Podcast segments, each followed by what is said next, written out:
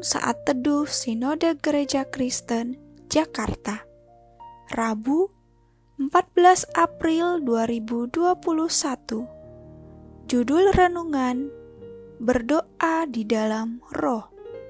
Nats Alkitab terambil di dalam Kitab Efesus pasal 6 ayat 18 sampai 20 Dalam segala doa dan permohonan Berdoalah setiap waktu di dalam roh, dan berjaga-jagalah di dalam doamu itu dengan permohonan yang tak putus-putusnya untuk segala orang kudus.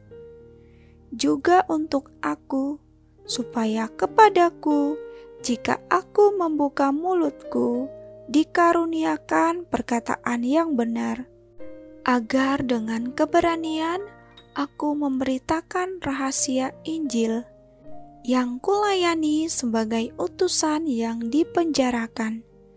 Berdoalah supaya dengan keberanian aku menyatakannya, sebagaimana seharusnya aku berbicara. John Wesley percaya bahwa bukan khotbah-khotbahnya, melainkan doa umat Allah lah yang menyebabkan ribuan orang datang kepada Kristus.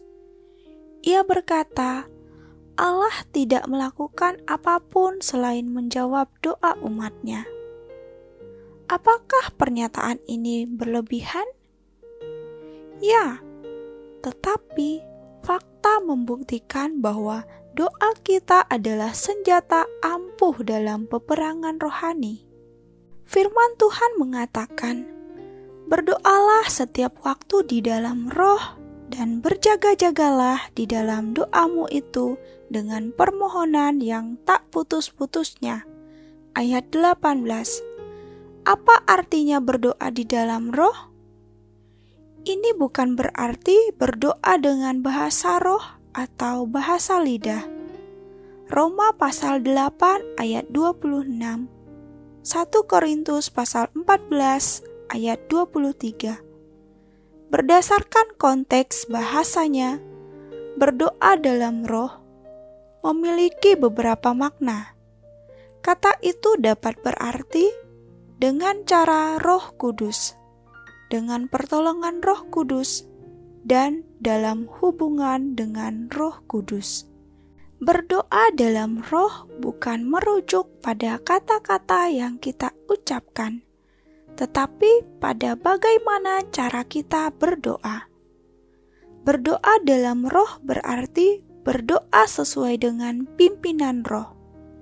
Kita berdoa untuk hal-hal yang Roh Kudus mau kita doakan. Jadi, kita bukan mendoakan apa yang menjadi kehendak sendiri. Doa dalam roh berarti menyelaraskan kehendak kita dengan kehendak Allah. Inilah kunci kemenangan dalam berdoa. Saat ini kita sedang berperang melawan godaan iblis dan keinginan daging. Kita mampu menang dalam peperangan rohani saat kita melakukan kehendak Allah. Seperti kata firman Tuhan, kita harus berdoa setiap waktu. Ayat 17 Waspadalah, iblis selalu menunggu waktu yang tepat untuk menyerang. Kalau kita tidak selalu siap, akan mudah diserang.